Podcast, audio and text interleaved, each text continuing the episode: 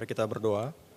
Bapa di surga, kami bersyukur hanya oleh karena darah Kristus kami dimampukan, dilayakan, diberi kesanggupan untuk menyembah Engkau. Dan bukan hanya itu, kami diberi suatu anugerah untuk melepaskan keegoisan kami untuk hidup bagi Allah. Dan kami diberi anugerah untuk diizinkan, diizinkan oleh Engkau menggenapi kerajaanmu ya Tuhan.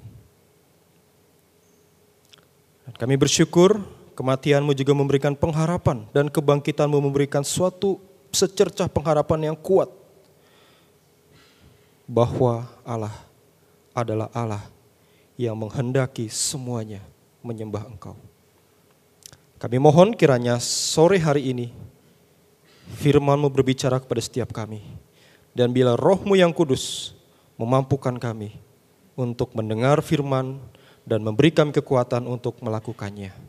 Di dalam nama Yesus Tuhan kami yang hidup, kami bersyukur, kami berdoa. Amin. Silakan duduk.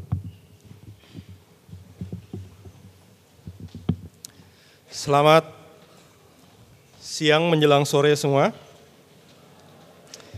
Ya, selamat datang di persiapan hati peserta Retreat Koordinator 16.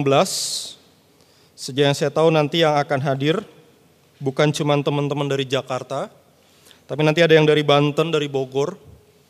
Beberapa data yang saya dapat juga dari Lampung, Jambi, Bengkulu, Yogyakarta juga akan ikut, Ambon, Palu kalau tidak salah akan ikut. Biarlah retreat ini menjadi retreat kita bersama dan biarlah retreat ini menjadi retreat di mana kita uh, menemukan perjalanan bersama Tuhan. Nah, topik hari ini saya beri judul The Quest, pencarian. Topik hari ini saya beri judul The Quest, pencarian. Ketika saya merenungkan apa yang harus saya bagikan di persiapan hati ini, apa yang harus saya bagikan di persiapan hati ini. Nah, saya bertemu dengan satu orang ahli biblika. Semoga terlihat dari teman-teman. Oke. Namanya Dr. Scott McKnight. Ini seorang yang brilian, ahli biblika dari Amerika. Dia menulis sebuah artikel dan kelak akan dibukukan tentang kerajaan Allah dan hubungannya dengan murid. Nah, dalam pencarian apa yang harus saya bagikan di PHP ini, saya bertemu dengan beliau lewat tulisannya. Dan yang sangat sangat sangat menohok hati saya adalah perkataan beliau. Pertanyaan yang paling penting yang saya yakini, Dr. Scott yakini setiap gereja harus menjawabnya untuk diri mereka sendiri adalah murid seperti apa yang akan dihasilkan oleh gerejamu. Murid seperti apa yang ingin dihasilkan oleh sebuah gereja. Dan untuk menghasilkan murid demikian, desain seperti apa yang akan kita bikin? Ini pertanyaan yang buat saya sangat-sangat dalam secara personal. Murid seperti apa yang ingin dihasilkan dari gerejamu? Murid seperti apa yang ingin dihasilkan dalam gerejamu? Di dalam perenungan saya, pencarian saya, my quest, akhirnya setelah saya renungkan, saya bertemu dengan Matius 28. Mari kita lihat Matius 28. Murid seperti apa yang akan dihasilkan gereja? Matius 28, kita masuk ke ayat 16 sampai ayat 20.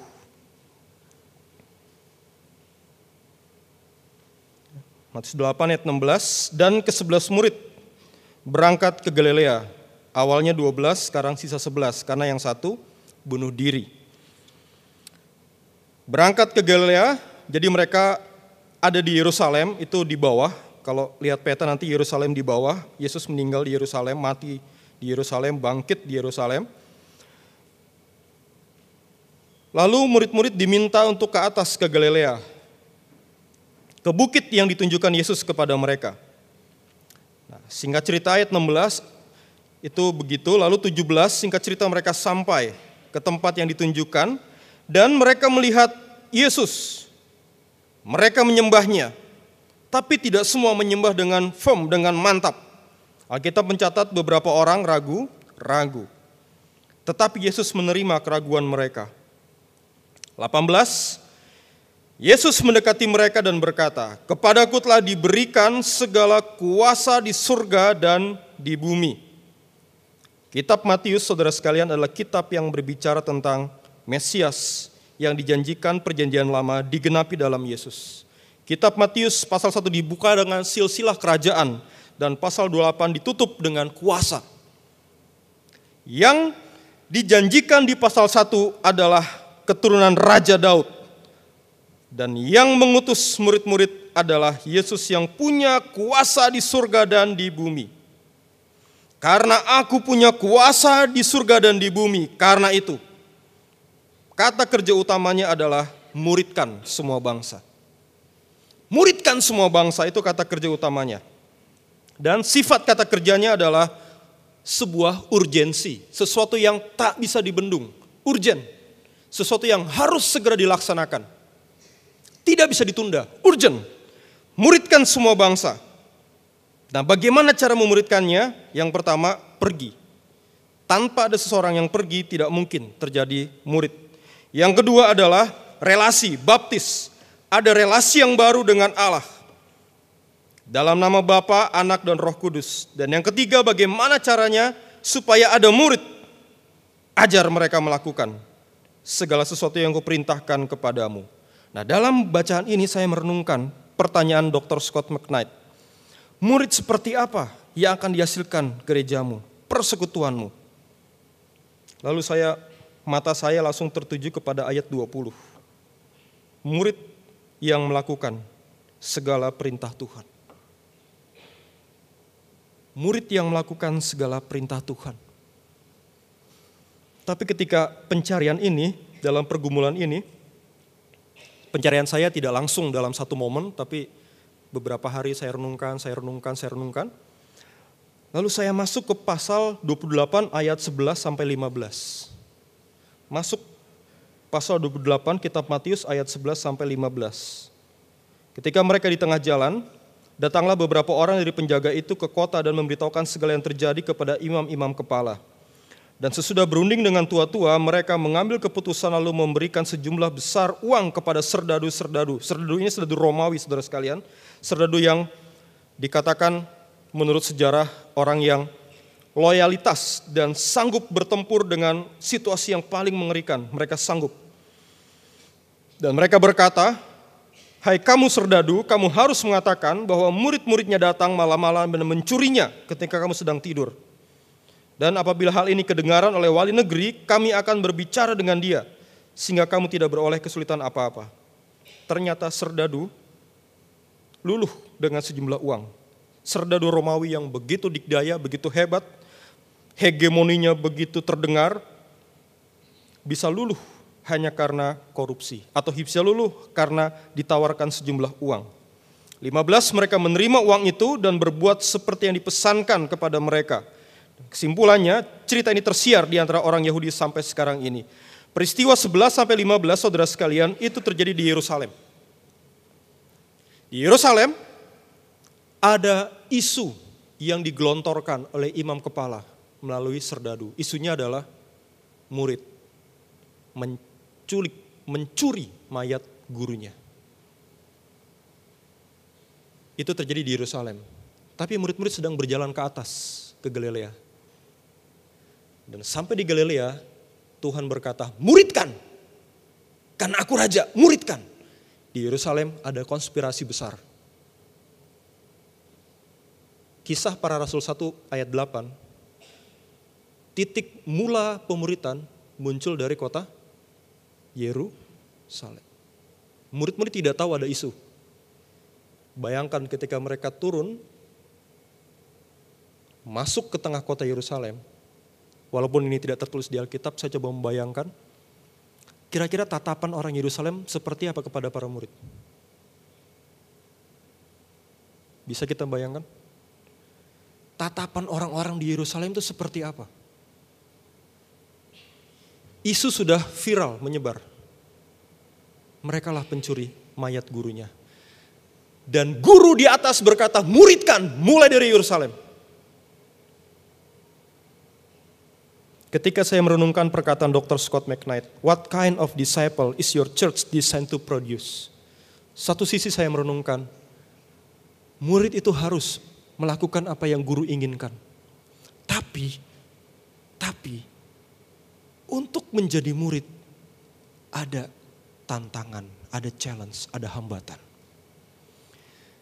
Ketika Allah memberikan perintah, muridkan, di saat yang sama dunia ingin menghadang. What kind of disciple is your church designed to produce? Ketika saudara bisa menjawab ini, maka ada aspek kedua yang siap menerkam saudara. Ada challenge, ada tantangan yang bisa menghentikan proses pemuridan. Dan tantangannya pada zaman Yesus, pada zaman para murid bukan main-main. Tantangannya adalah nyawa. Jikalau kalian membaca sepanjang kisah para rasul, saudara akan melihat bagaimana tantangan itu semakin tinggi, semakin tinggi, semakin mengerikan, semakin menakutkan. Di tengah tantangan demikian hebat, di tengah perintah Tuhan, kira-kira para murid akan berpikir apa? Murid seperti apa yang ingin dihasilkan oleh para murid Yesus? Ketika saya merenungkan pertanyaan ini, mencari jawaban, mencari jawaban, akhirnya saya masuk kepada perenungan bagian kedua. Semoga terbaca. Perenungannya adalah, mari kita renungkan sebagai PMK, sebagai persekutuan mahasiswa Kristen. Mari kita renungkan, murid seperti apa yang akan kita hasilkan dari persekutuan kampus kita.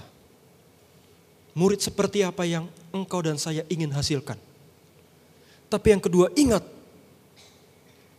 challenge apa yang akan menanti kita. Challenge apa yang akan menanti kita. Ketika kita punya hasrat, punya keinginan, kerinduan menghasilkan murid, maka di saat yang sama challenge itu mungkin akan muncul menghadang kita. Murid seperti apa yang PMK ingin hasilkan? Tapi di titik yang sama akan ada tantangan besar menghentikan proses pemuritan itu. Baik dari dalam maupun dari luar. Kalau saudara bisa menjawab pertanyaan itu dengan jelas, pertanyaan yang disampaikan Dr. Scott McKnight dengan jelas, murid seperti apa yang akan dihasilkan? Maka saudara dan saya bisa menikmati bagian berikut. Oke. Ini pertanyaan refleksi saya, biasanya saya lakukan di motor.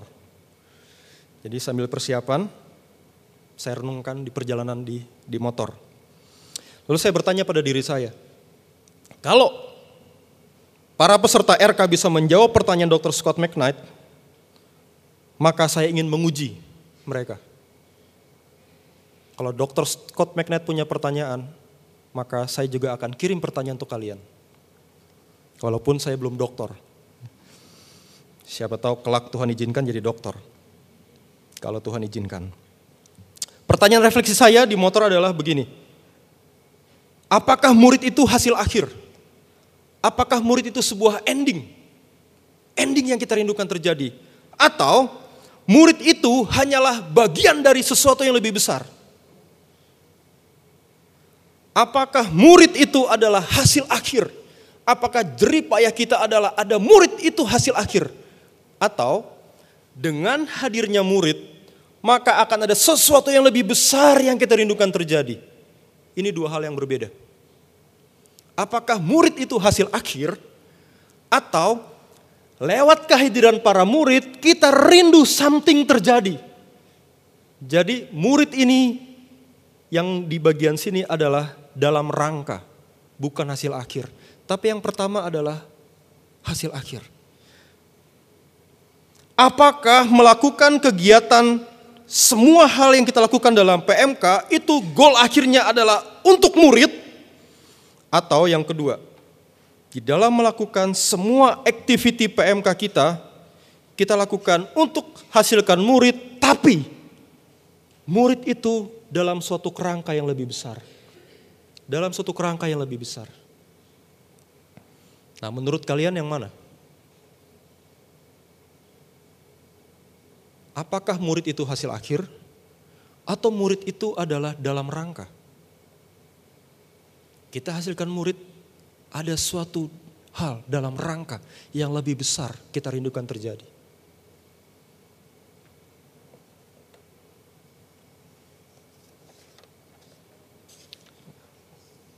Saya ajak kita untuk pause.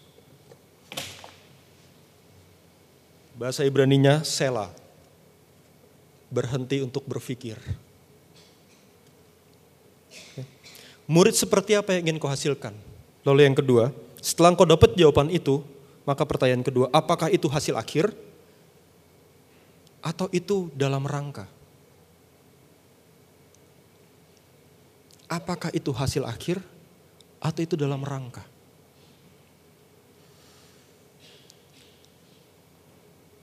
Kalau saudara bisa menjawab dua pertanyaan itu, maka ini yang akan terjadi.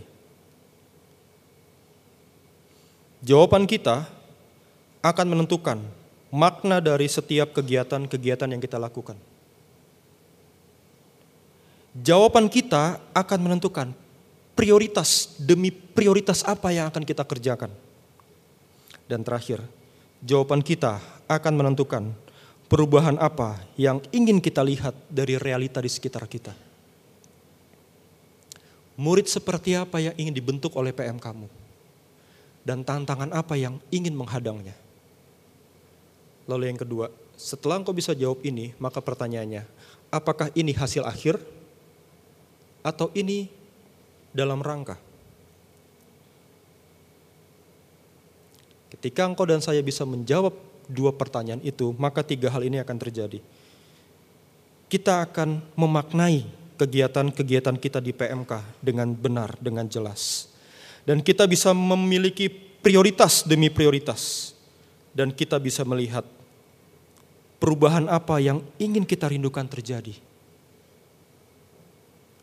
Lewat aktivitas demi aktivitas yang kita akan lakukan.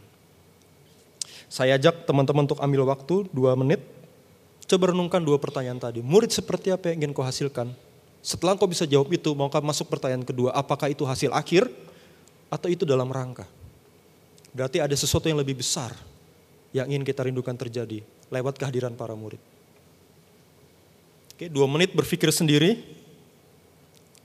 Habis itu saya kasih waktu tiga menit untuk ambil teman di kanan di kiri mungkin berdua bertiga untuk share. Ya. Menurut kalian itu hasil akhir atau itu dalam rangka? Oke, kita ambil waktu dua menit sampai lima menit. Jadi coba berpikir sendiri, setelah itu dengan teman di kanan di kiri coba share, diskusi bersama ya. Itu hasil akhir atau itu dalam rangka.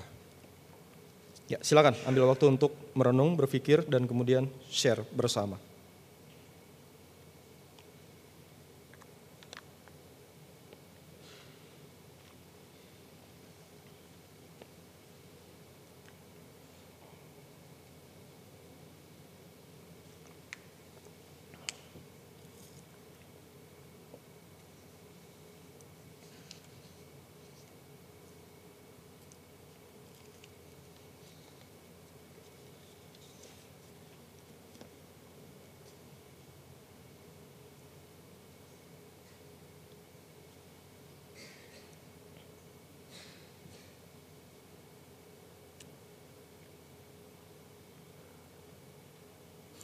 Nanti langsung saja ya diskusi dengan teman di kiri atau di kanan.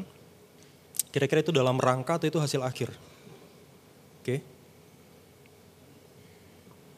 Jadi pertanyaan pertama, murid seperti apa yang ingin kau hasilkan? Lalu setelah dapat jawabannya, pertanyaan berikutnya muncul, itu dalam rangka atau itu hasil akhir? Oke, silakan saling diskus. Dan jawabannya nggak usah kasih tahu saya, oke? Nggak usah saling mendoakan, cuman just share aja ya. Biasanya kalau PMK terlalu rohani, setelah itu mari kita berdoa, nggak usah, nggak usah. Just share aja, share, share your opinion, oke? Okay? Itu hasil akhir atau itu dalam rangka?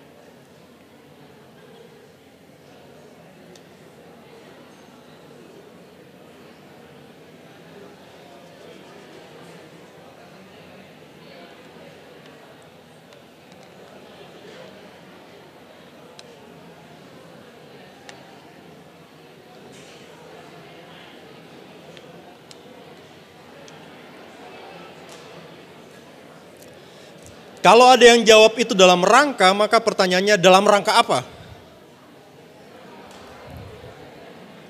Dalam rangka apa? dalam rangka senang-senang? Dalam rangka PMK saya baik atau seterusnya?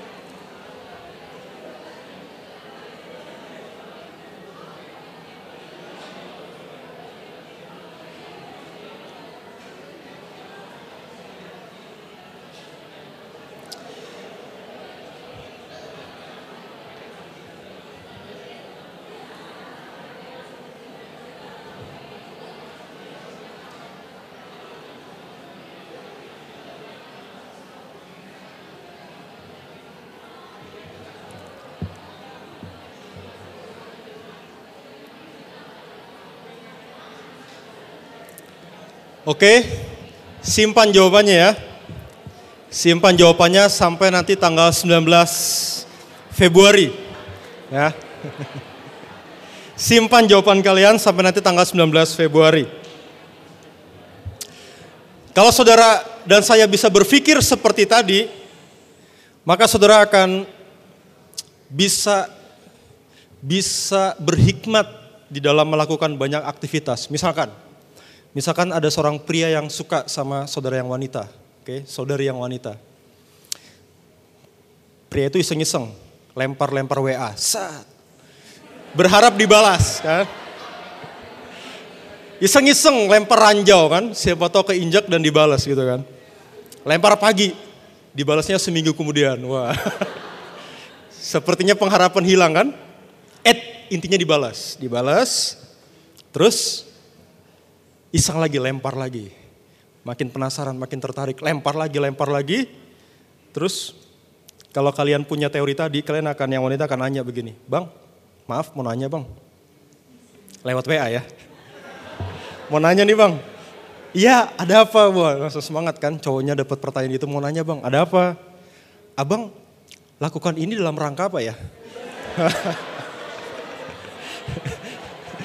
Langsung to the point gitu. Jadi yang cowok nggak bisa main-main. Ah, begitu balas dapat jawaban itu dia akan mikir seribu kali. Ini dalam rangka apa saya jawabnya ya? Berteman saja. Enggak pengen kenal lebih jauh aja. Oh cuman kenalan doang bang. Matiku tuh langsung abang itu kan. Oke sehingga cerita dia bisa menaklukkan itu. Terus dia ngajak, ngajak yuk kita bergumul bersama. Oke. Oke.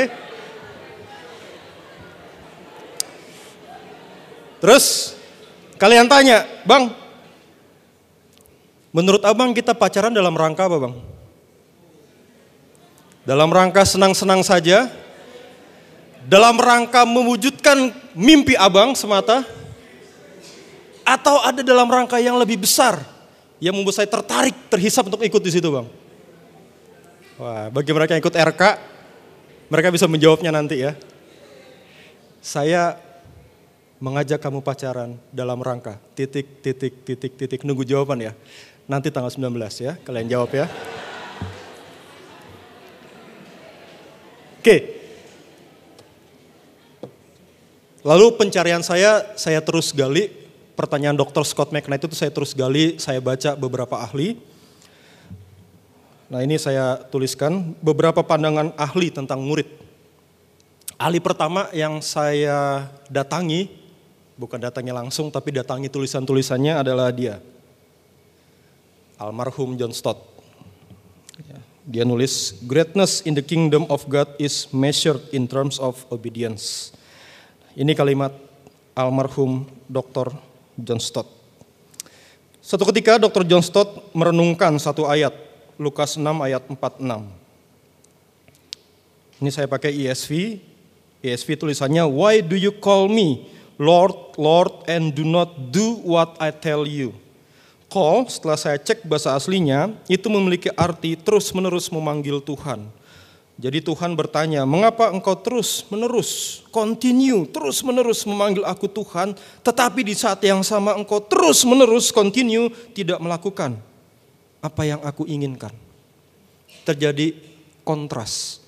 Engkau terus-menerus memanggil Tuhan, tapi engkau terus-menerus melakukan bukan yang Tuhan inginkan. Oke. Okay? Dari satu ayat ini Dr. John Stott merenung, merenung mencari pencariannya tentang murid.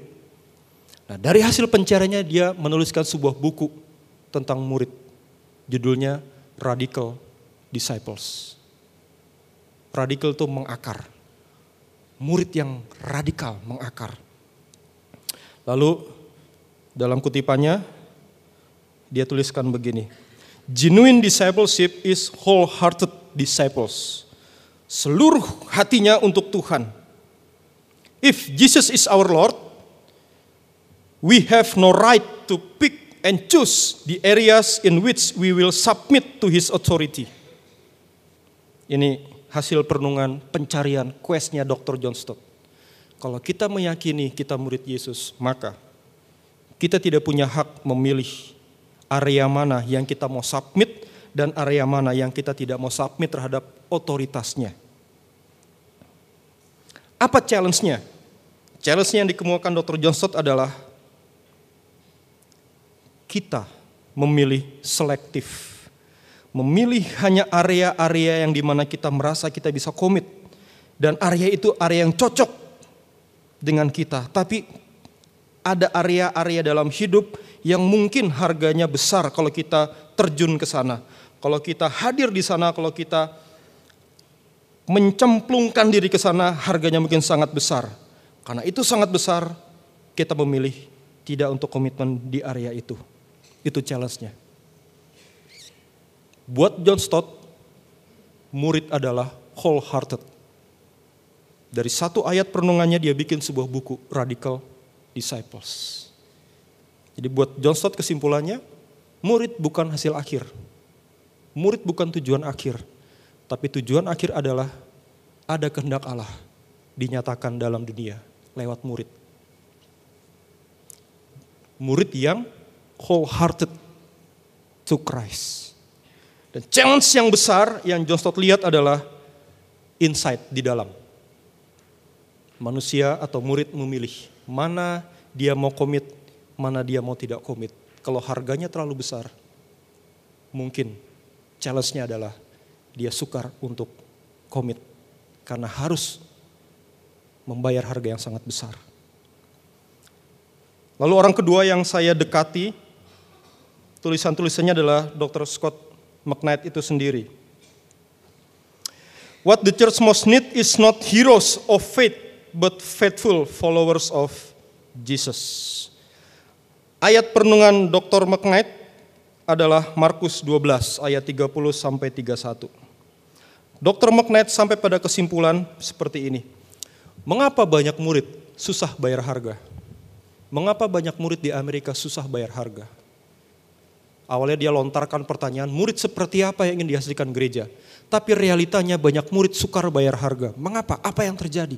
Apa penyebabnya? Lalu dia sampai kepada kesimpulan, jangan-jangan akar utamanya adalah love. And you shall love the Lord of your God with all your heart, with all your soul, with all your mind, with all your strength. The second is this you shall love your neighbor as yourself. There is no other commandment greater than this.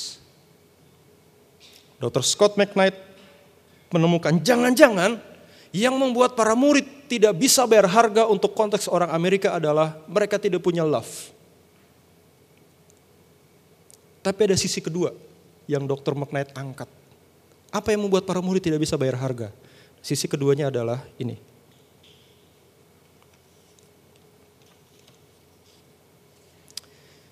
Dia tulis, our discipleship programs need to be reframed into vision programs, yaitu kingdom vision programs that Jesus concerned the most, yaitu a kingdom vision for God's people on earth in here and now.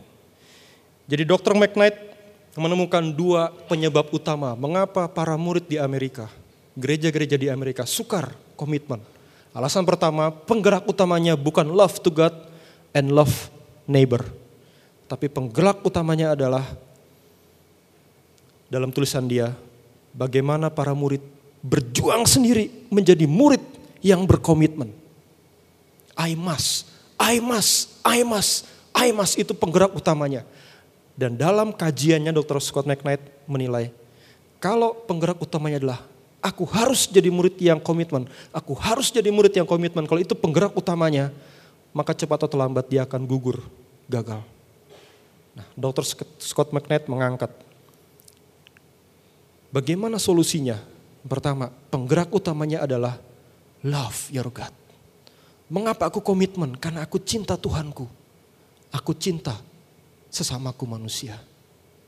Tapi yang kedua, Dr. Scott McKnight melihat murid itu perlu diberikan suatu visi yang besar, visi kerajaan Allah. Jadi menurut Dr. Scott McKnight, pemuritan atau murid bukan ending, bukan akhir. Tapi lewat murid mereka terhisap untuk mewujudkan kerajaan Allah. Ketika para murid menemukan makna yang paling besar dalam dunia ini, maka tindakan-tindakan kecil mereka akan dapat dimaknai dengan kuat. Itulah kesimpulan Dr. Scott McKnight. Ingin melihat murid punya komitmen tinggi, menurut Dr. Scott McKnight miliki dua hal. Motivasinya love. Dan yang kedua, mimpinya kerajaan Allah. Tanpa dua ini, mereka akan berjuang sendiri demi sendiri. Dan akhirnya akan kolaps. Orang ketiga yang saya dekati tulisannya adalah Dr. Anti Wright. Dia bilang, the whole point of the kingdom of God is Jesus has come to bear witness to the truth, which is non-violent. When God wants to take charge of the world, He doesn't send He doesn't send in the tanks, but He sends in the poor and the meek. Jadi inti utama dari kerajaan Allah adalah Yesus hadir. Yesus hadir dan kebenarannya dinyatakan. Dan ketika Tuhan ingin mengambil alih dunia ini karena dia raja, maka yang diutus bukan tank, tapi dia diutus adalah mereka yang lemah. Mereka yang lemah. Nah ini kalimat Dr. Wright. Apa artinya kita berdoa, datanglah kerajaanmu? Apa artinya? Ketika para murid berdoa datanglah kerajaanmu. Artinya adalah para murid mengadjust, mengatur, mengalign diri mereka dengan kerajaannya, dengan gerakan kerajaannya, dan mencari kuasa dari sang raja itu untuk memperluas memperluas kerajaan itu supaya apa? Supaya nyata di bumi seperti di surga. Terakhir dia tambahkan, itu artinya ketika seorang murid berdoa, maka seorang murid dalam doanya dia menyerahkan total hidupnya seturut dengan agenda rajanya. Jadi dokter Anti Wright, dokter Anti Wright dia menyatakan murid itu hadir dalam rangka mewujudkan your kingdom come. datanglah kerajaanmu.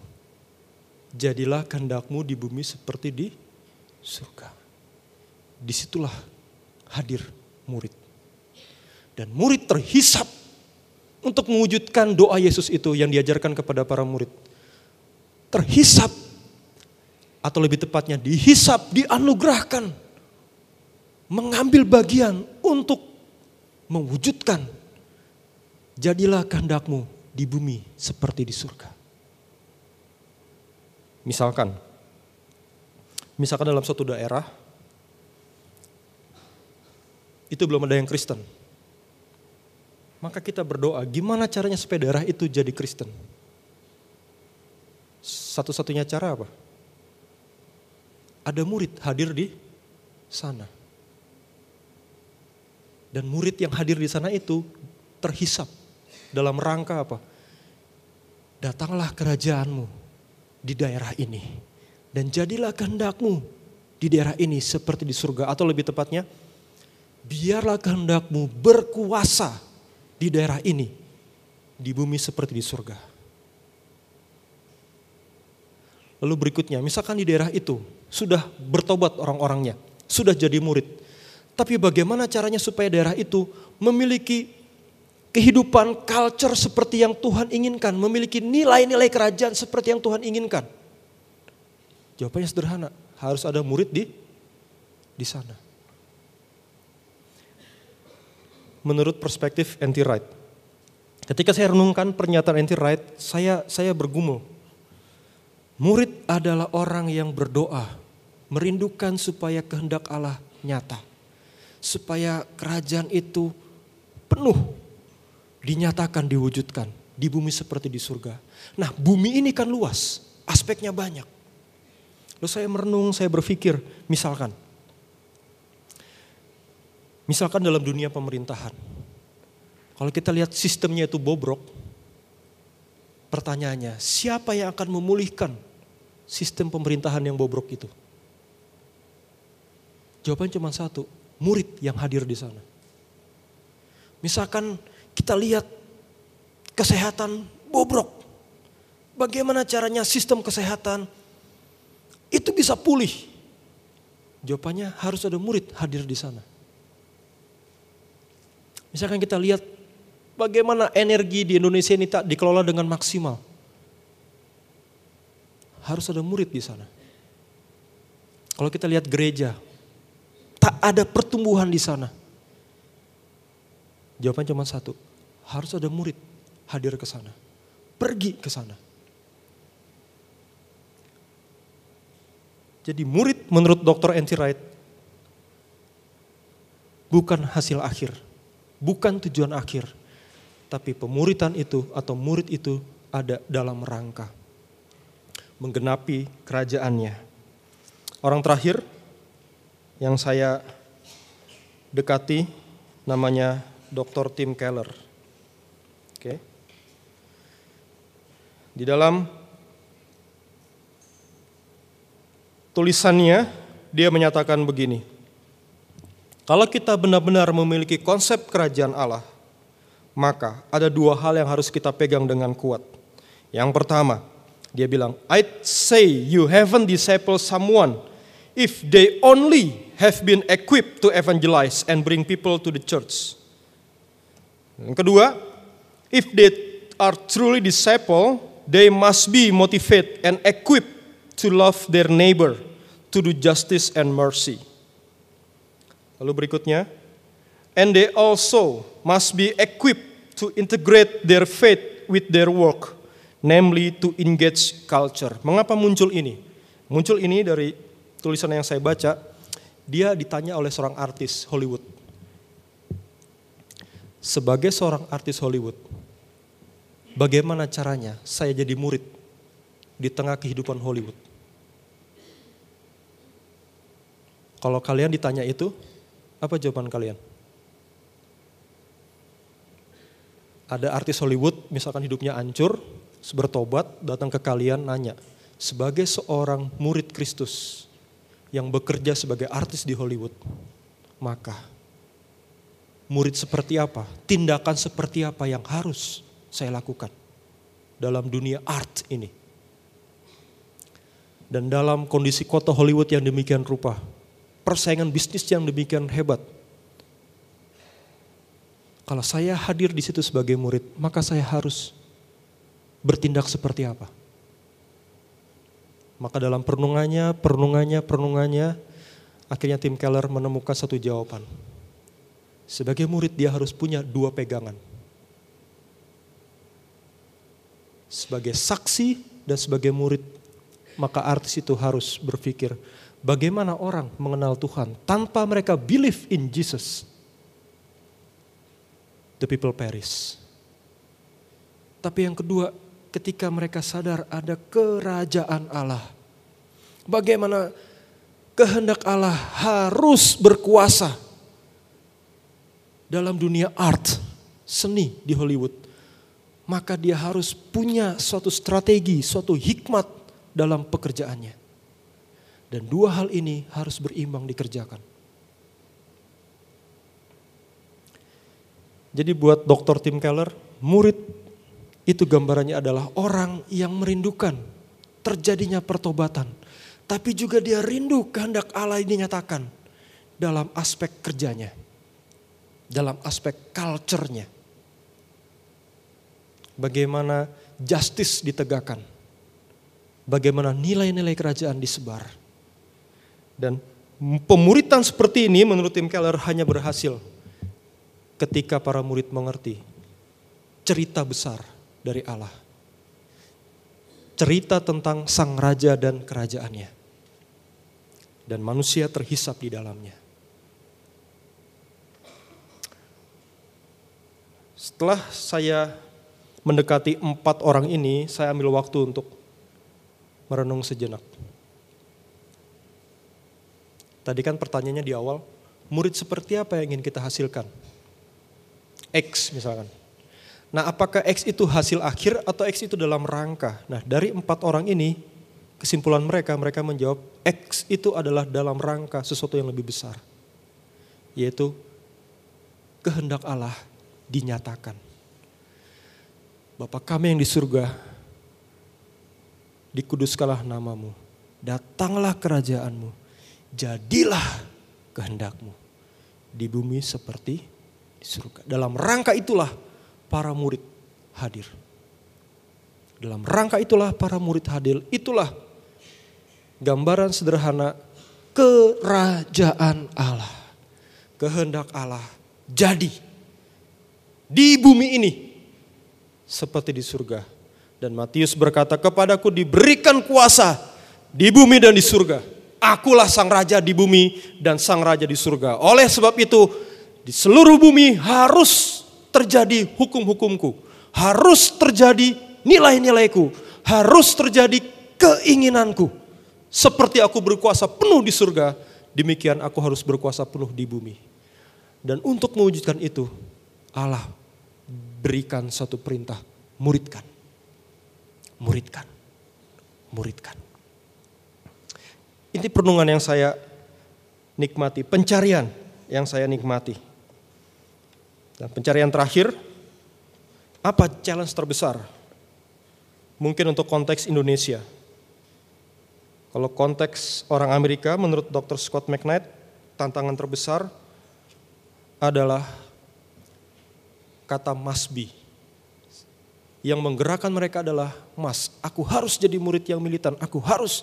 Itu yang menjadi pegangan mereka, itu yang menjadi kekuatan mereka, itu yang menjadi daya dorong mereka. Sehingga banyak tulisan kekristenan di sana adalah untuk membongkar hal itu. Membongkar motivasi yang demikian. Nah, setelah saya renungkan untuk konteks Indonesia, untuk konteks Jakarta secara khusus, apa challenge terbesarnya? Apa challenge terbesarnya seorang murid bisa fail, bisa gagal? Saya sampai kepada perenungan. Sampai di mana slide-nya ya? Saya lah.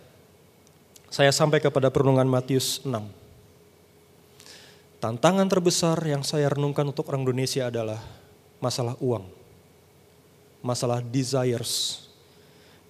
Dalam bahasa Yunaninya, kata cari dahulu kerajaan Allah, kata cari itu adalah ZTT, desires. Dan itu bentuknya adalah kata kerja.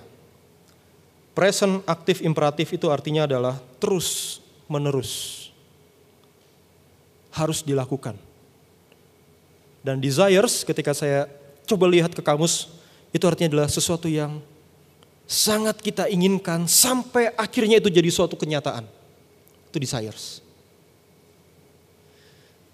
Di atas Tuhan bilang, pilih mamon atau pilih Allah. Tak mungkin ada dua Tuhan. Mamon itu perlambang uang. Lalu di bawah Tuhan memberikan dua gambaran yang indah. Gambaran bunga dan gambaran burung. Bunga di ladang, bunga bakung di ladang, begitu indah burung di udara tak pernah menanam dan seterusnya tapi Tuhan pelihara. Lalu Tuhan berikan, hai para murid, aku ingin desiresmu yang paling utama adalah kerajaan Allah. Desiresmu yang paling utama adalah kerajaan Allah, bukan uang. Tapi kerajaan Allah itulah desiresmu yang paling utama. Desire adalah sesuatu keinginan yang begitu rupa sampai kita rindu itu terwujud. Challenge terbesar yang saya renungkan di PMK kita adalah desires kita untuk uang atau untuk Allah. Untuk uang atau untuk Allah. Apa yang paling kita rindukan terwujud dan itu menggerakkan seluruh otot-otot kita, pikiran kita, hati kita. Apa yang paling membakar dalam hatimu, desires in your heart, itu sangat terwujud. Apakah kerajaan Allah, kehendak Allah nyata atau uang? Atau uang. Dalam kitab 2 Timotius, 2 Timotius pasal 3 ada tiga challenge. Cinta diri, cinta uang, cinta nafsu.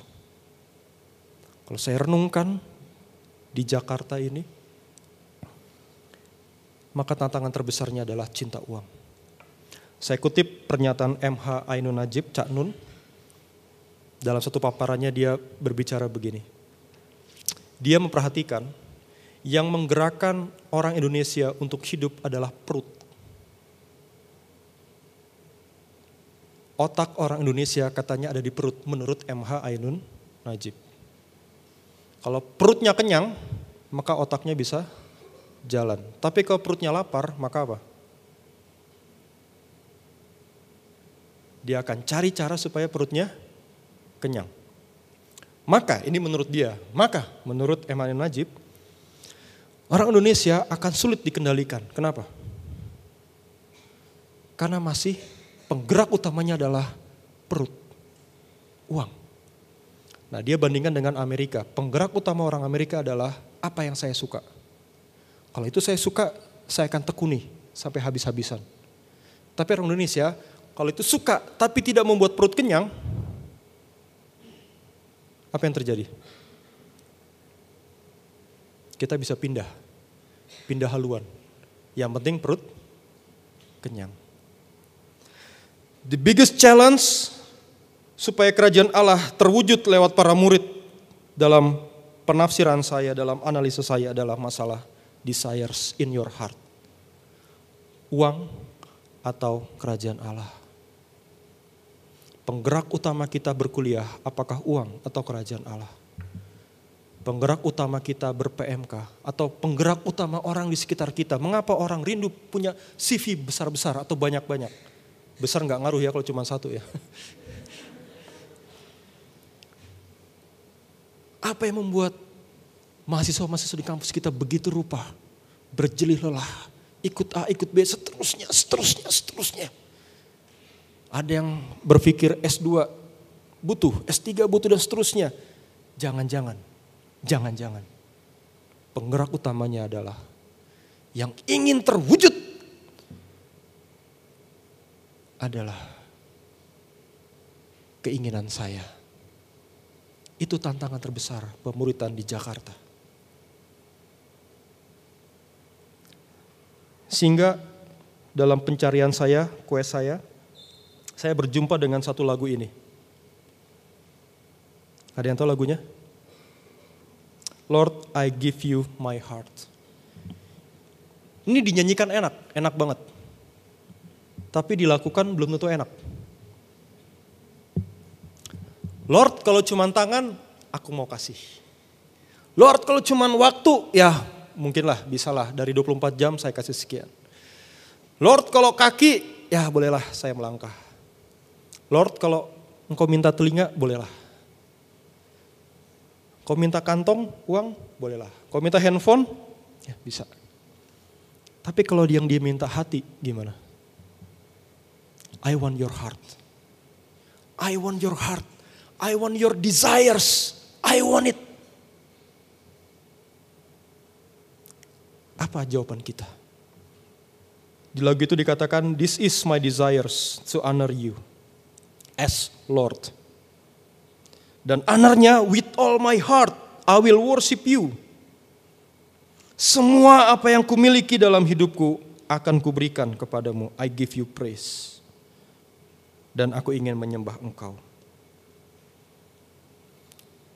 Lalu berikutnya dikatakan, Lord, I give you my heart. Kalau pakai perspektif Matius, berarti orang ini akan berkata, Lord, I give you my desires. Apa yang paling ingin terwujud dalam hidupku, aku akan berikan itu kepadamu. Sehingga aku bisa memberikan jiwaku dan aku ingin memberikannya kepadamu semata. Biar setiap nafas, biar setiap waktu, biarlah jalanmu, biarlah aku tinggal di jalanmu, atau jalanmu lah yang kulakukan. Saudara sekalian, dalam perenungan saya, pencarian saya, My Quest, lagu ini enak dinyanyikan tapi sulit untuk dilakukan. Desires-nya A, tapi Tuhan minta biarlah desiresmu yang paling utama adalah kerajaan Allah dinyatakan. My will be done, my will be done, my will be done. Biarlah itu yang menjadi your most desires in life. Pertempuran yang rumit dalam hati. Pertempuran yang sukar. Untuk ini akan ada banyak harga yang mungkin akan kita bayar.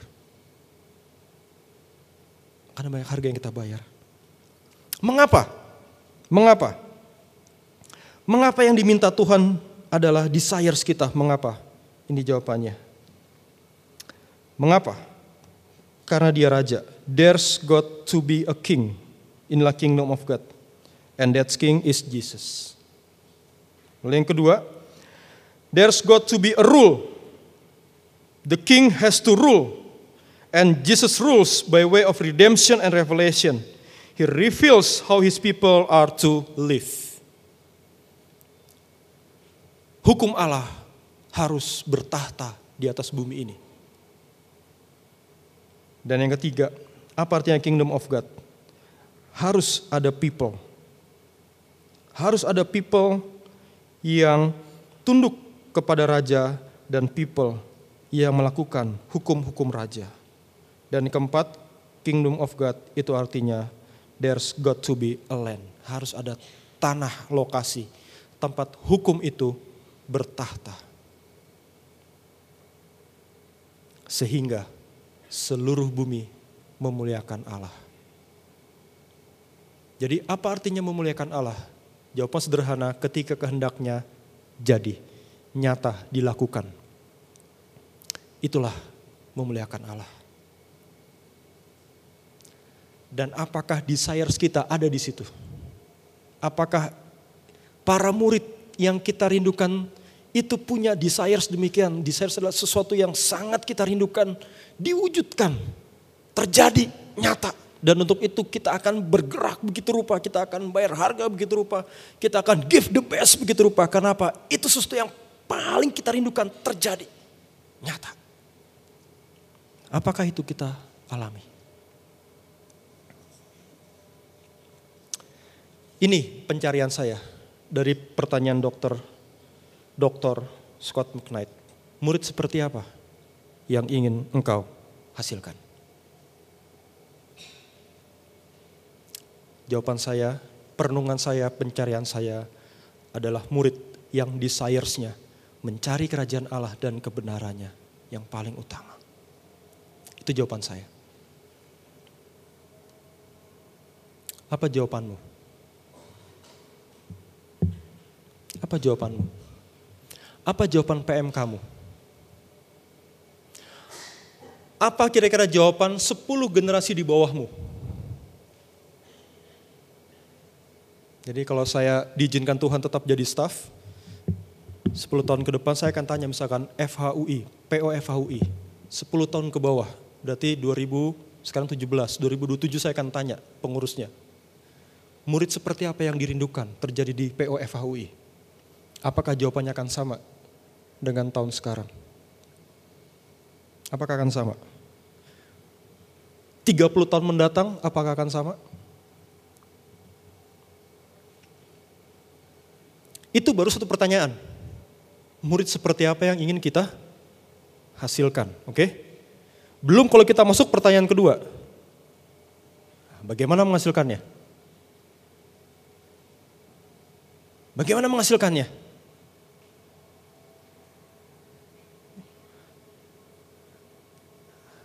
Saya titik masuk kepada titik, mari kita berhenti sejenak.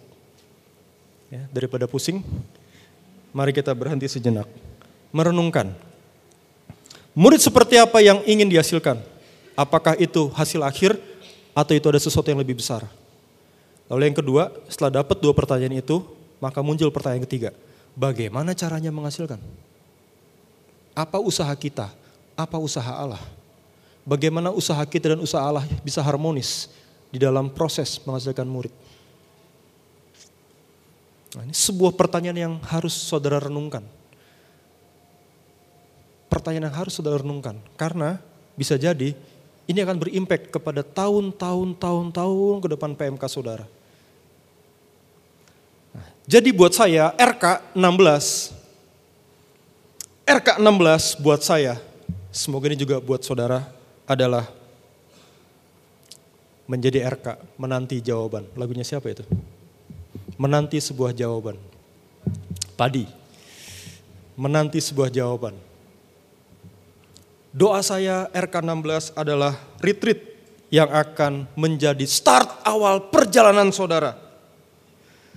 Doa saya RK16 adalah menjadi sebuah journey dalam hidup saudara. Journey dalam apa? mencari sebuah jawaban. Mencari sebuah jawaban apa yang Tuhan inginkan, apa yang Tuhan harapkan. RK16 adalah sebuah perjalanan pencarian jawaban. Dan saya ajak kalian join with us. Join with us to get the answer. Join with us. Saya tidak tahu pergumulan apa yang bisa membuat saudara tidak ikut RK. Tapi doa saya, biarlah pertanyaan ini terus menerus menancap dalam hati saudara. Dan biarlah pertanyaan itu menjerit dalam hati saudara, dalam pikiran saudara. Dan biarlah pertanyaan itu mengusik hati saudara begitu rupa. Sehingga saudara rindu menemukan jawabannya. Pesan saya, come and join. Feel free to join, but not free.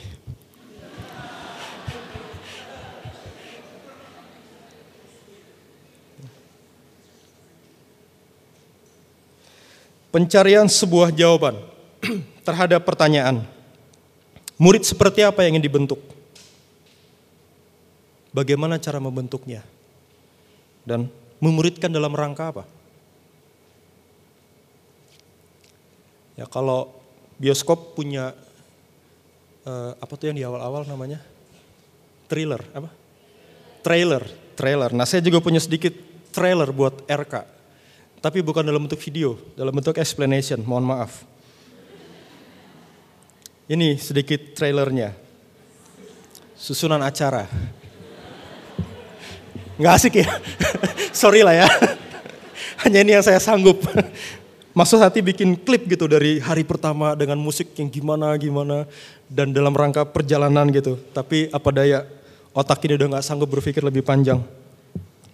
Jadi hanya sanggup explanation ya. Mohon maaf untuk generasi yang nggak suka explanation tapi suka movie. Ya. Bikin sendiri movie dalam hatimu, dalam otakmu ketika saya ngomong ya. Movie pertama adalah Berangkat. Apa spesialnya dengan Berangkat? Nantikan. Itu akan berkesan buat saudara. Berangkat itu bagi sebagian orang mungkin biasa, tapi bagi sebagian lain itu luar biasa. Bisa berangkat ke RK.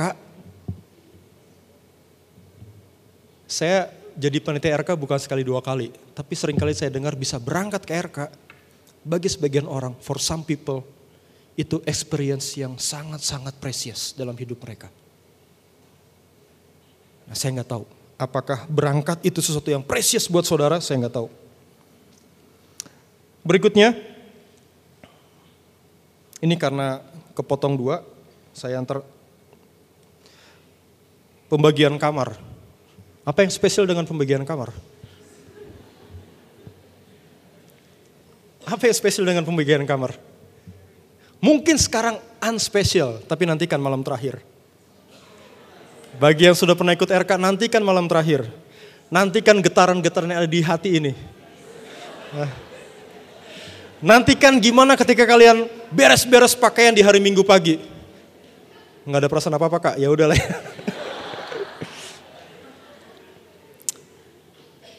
For some people, roommate, for some people, roommate become precious friendship. Doa saya kalian mengalami itu di RK. Snack sore, apa spesialnya snack sore? Apa spesialnya snack sore? Mungkin cuman singkong goreng sama tahu agak keras. Isinya toge paling. Itu juga udah layu. Spesialnya apa snack sore? Ya, nantikan di sana. Nantikan di sana. Opening ceremony langsung akan dibuka dengan vision of God. Untuk apa murid hadir? Untuk apa murid hadir? Ada visi kerajaan Allah yang disampaikan dari Lukas. Apa artinya kerajaan Allah? Apa visinya kerajaan Allah itu? Lalu berikutnya, hari kedua Jumat, diberi judul The Call. Bangun pagi, saat teduh, siap-siap, mandi, apa spesialnya? Spesialnya kalian diburu-buru sama pemimpin kamar. Ayo cepat, cepat. Ya. Spesialnya mungkin di situ kalian baru pertama kali merasakan bagaimana saat teduh berkelompok. Ini akan jadi hal yang indah kalau kelak kalian berkeluarga. Ya. Nikmatilah saat teduh berkelompok dengan metode berkelompok di RK. Karena kelak kalau Tuhan izinkan kau berkeluarga, kau nikmatin tiap hari saat teduh berkelompok. Sarapan pagi apa spesialnya? Apa apa berkesannya sarapan pagi? Ya, nantikan panitia akan membuat sesuatu yang spesial buat kalian. Sarapan pagi itu. Eksposisi tiga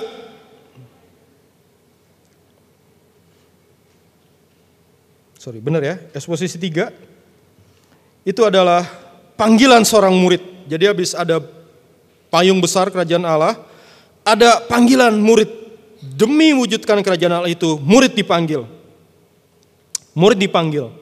Dan berikutnya ada seminar bagaimana murid itu menikmati kekuatan utamanya yaitu firman dan doa.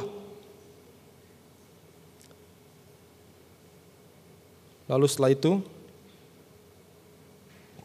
istirahat. Biasanya nggak mau istirahat. Biasanya terus ngobrol, terus chit chat. Beberapa orang hunting. Hunting foto.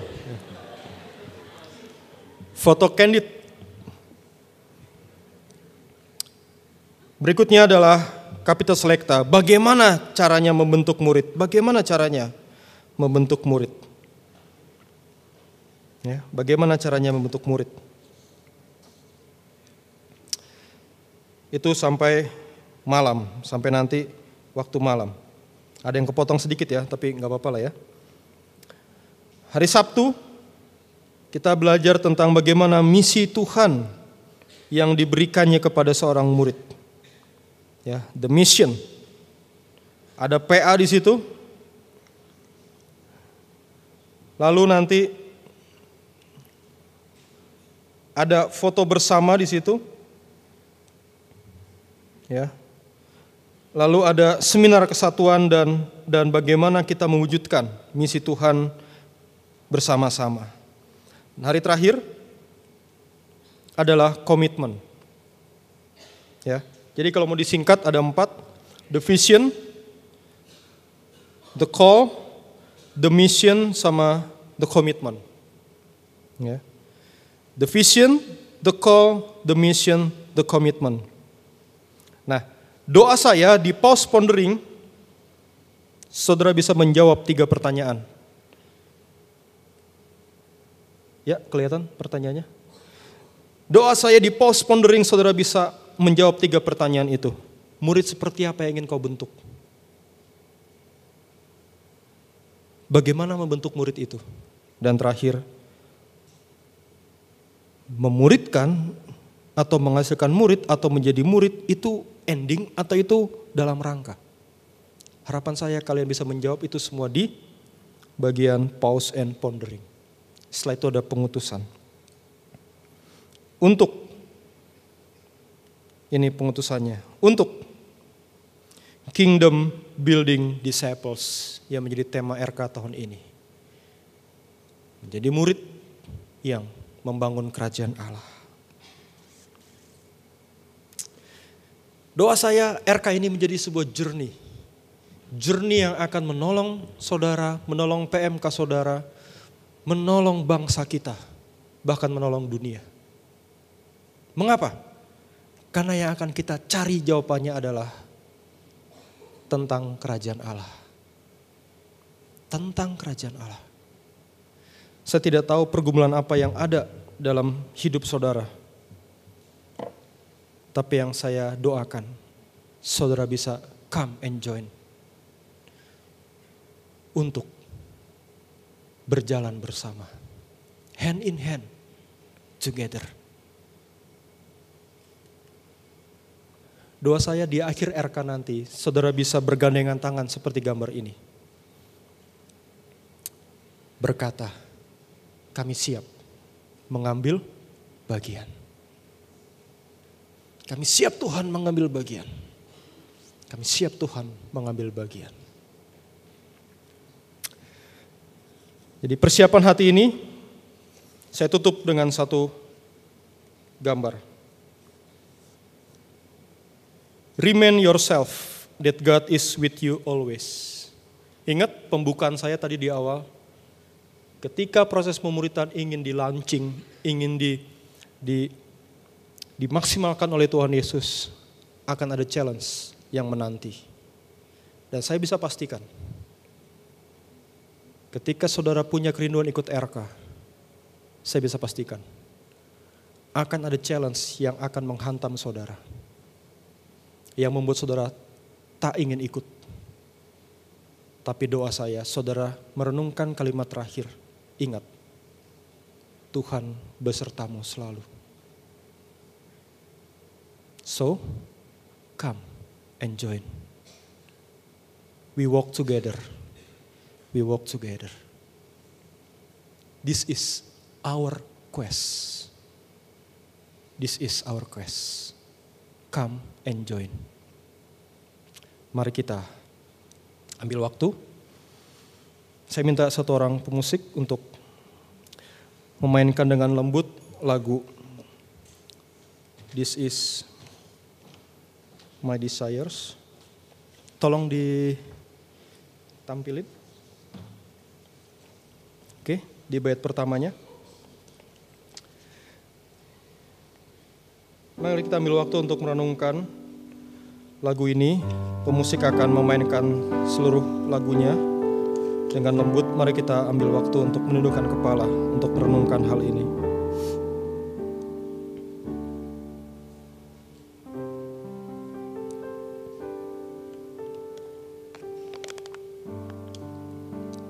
Kalau hari ini Tuhan berbicara langsung kepadamu, jangan keraskan hatimu. Bukalah kepadanya, katakan Tuhan berbicaralah, kami siap mendengar. Ambil waktu untuk merenungkan, biar pemusik memainkan buat kita lagu ini.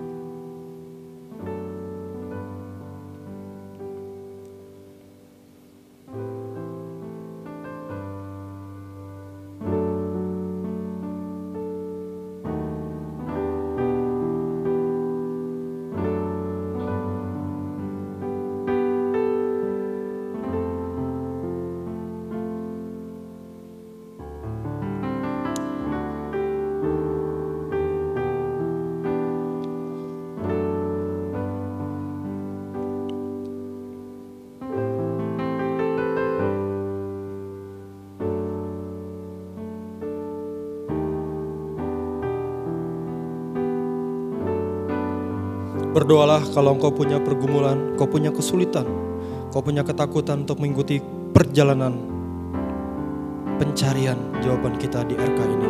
Berdoalah kepadanya, nyatakan keluh kesahmu kepadanya. Nantikan pertolongannya, karena dia berjalan beserta kita. Atau kalau kau punya kerinduan supaya pemuritan terjadi, bangkit kembali di kampusmu, nyatakan kerinduan itu kepada Tuhan. Dan biarlah lewat camp kita bersama, kita akan mulai berjalan bersama Tuhan. Perjalanan baru PMK kita bersama Tuhan. Berdoalah kepadanya.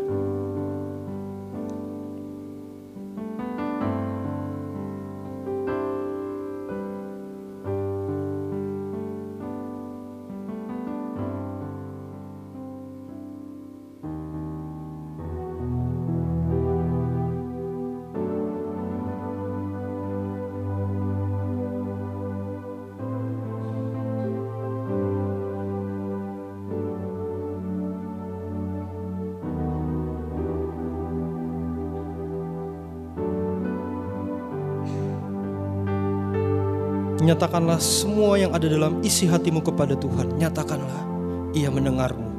Curahkanlah pergumulan PM kamu, pergumulan hidupmu. Curahkanlah mimpi-mimpimu, kerinduan-kerinduanmu kepadanya.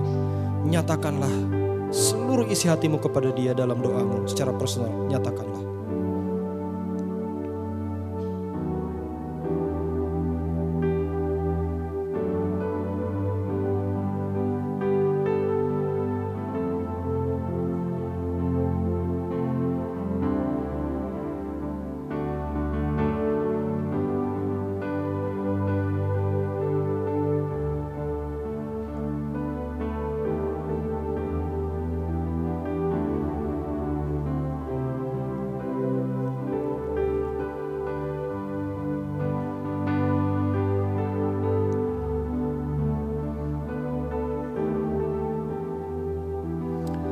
Mari kita bersama-sama menyanyikan lagu ini. Lord, I give you my heart. This is my desire to honor you. Dengan hormat minta Bang Sahat ke depan, nanti akan menutup firman Tuhan. This is my desire